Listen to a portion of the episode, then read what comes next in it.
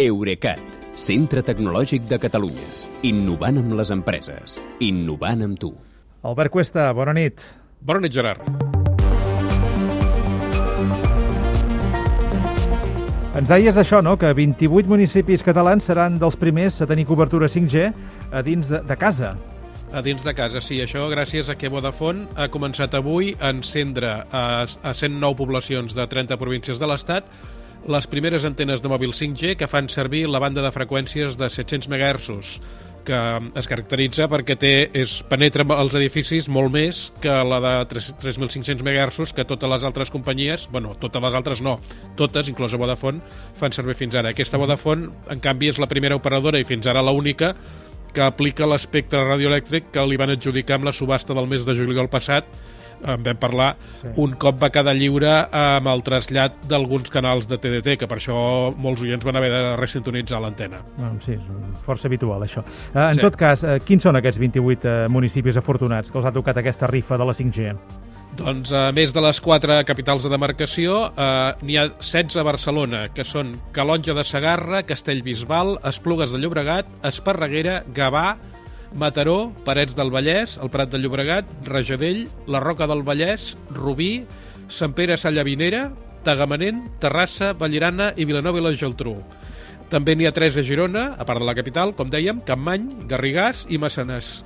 3 a Lleida, eh, Castelldans, Montferrer i Castellbó, i 4 a Tarragona, que són Altafulla, Reus, Rodonyà i Tortosa.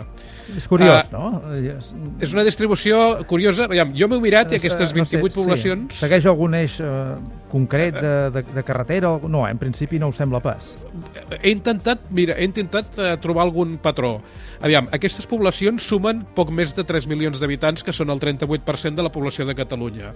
I el que he fet ha sigut comparar-ho amb Madrid, perquè perquè aquest desplegament de Vodafone es fa a la majoria de les comunitats, i allà tindran aquesta mateixa cobertura 5G en interiors més de 4 milions i mig de persones, que són gairebé el 70% de la població de la comunitat, vull dir, gairebé el doble que aquí, de proporció.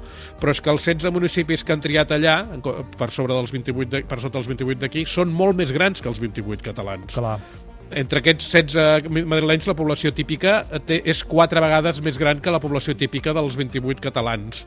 Eh, pensa que aquí trobem municipis amb menys de 200 habitants com Calonja de Sagarra o Sant Pere Sallavinera, eh, que jo suposo que probablement deuen tenir a prop alguna infraestructura que justifica eh, que es despleguin Aquesta, aquestes noves antenes de 5G. Clar.